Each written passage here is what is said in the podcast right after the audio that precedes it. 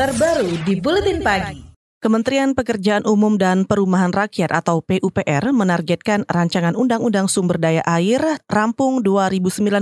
Juru bicara Kementerian PUPR Endra S. Atmawijaya mengklaim pembuatan rancangan Undang-Undang Sumber Daya Air untuk kepentingan masyarakat. Kata dia, aturan baru itu membatasi penggunaan sumber daya air oleh swasta. Kemudian kita juga bertanggung jawab untuk mengelola itu untuk generasi yang akan datang. Jadi kita tidak dalam uh, posisi sekarang menghancurkan ya seluruh sumber-sumber daya air kita. Justru kita melakukan konservasi. Misalkan kita bangun banyak bendungan, kita bangun bu, kemudian danau kita rehabilitasi, kita restorasi itu untuk dalam kepentingan itu kita menjaga potensi sumber daya air kita Juru bicara Kementerian Pekerjaan Umum dan Perumahan Rakyat Endra S. Atmawijaya juga menegaskan izin dalam aturan baru nanti pengelolaan air hanya dilakukan pemerintah dari pusat hingga desa. Ia juga menjelaskan izin itu adalah penyelenggaraan sistem penyediaan air minum. Perusahaan swasta masih bisa dilibatkan dalam proses konstruksi atau distribusi. Menurut Menteri Pekerjaan Umum Basuki Hadi Mulyono, perusahaan swasta yang membuat air dalam kemasan dapat bekerja sama dengan badan usaha milik daerah. Kerjasama itu bisa dalam bentuk investasi atau operasional. Rancangan Undang-Undang Sumber Daya Air atau RUU SDA ditunda pengesahannya pada Juli ini.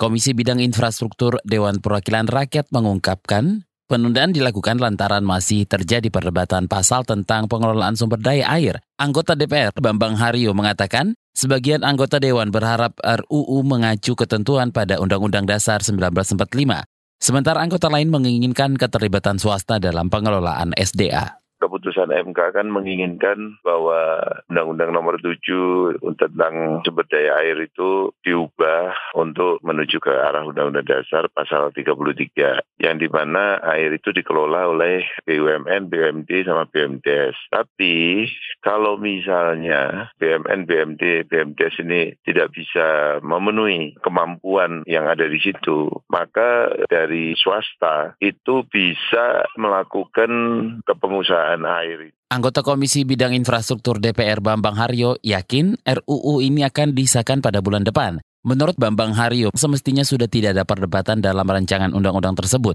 Ia juga beralasan RUU ini tidak boleh rampung melalui masa jabatan DPR periode ini. Asosiasi Pengusaha Indonesia atau APindo menilai perlu ada penyesuaian rancangan undang-undang sumber daya air dengan kondisi usaha di Indonesia.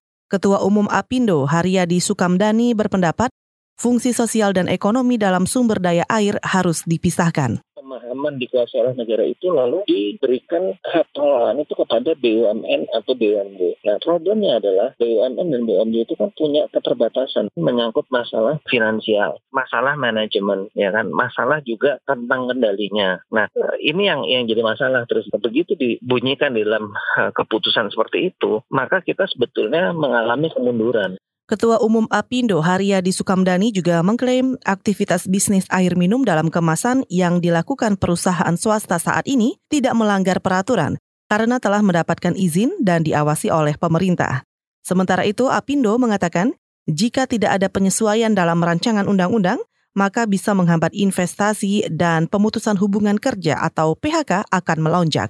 Koalisi Rakyat untuk Hak Asasi Air atau KRUHA menilai pemerintah tidak transparan terhadap pembuatan RUU sumber daya air.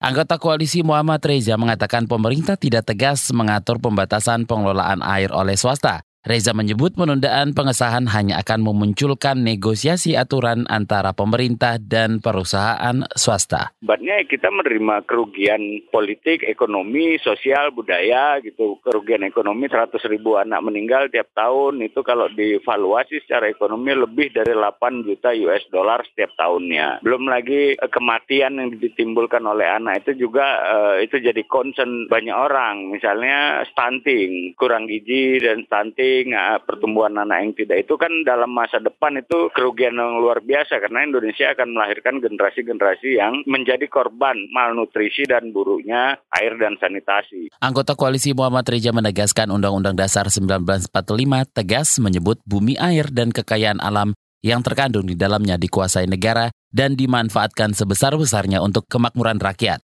Pemerintah seharusnya memenuhi kebutuhan air bersih masyarakat, bukan malah menguntungkan pengusaha. KBR, inspiratif, terpercaya.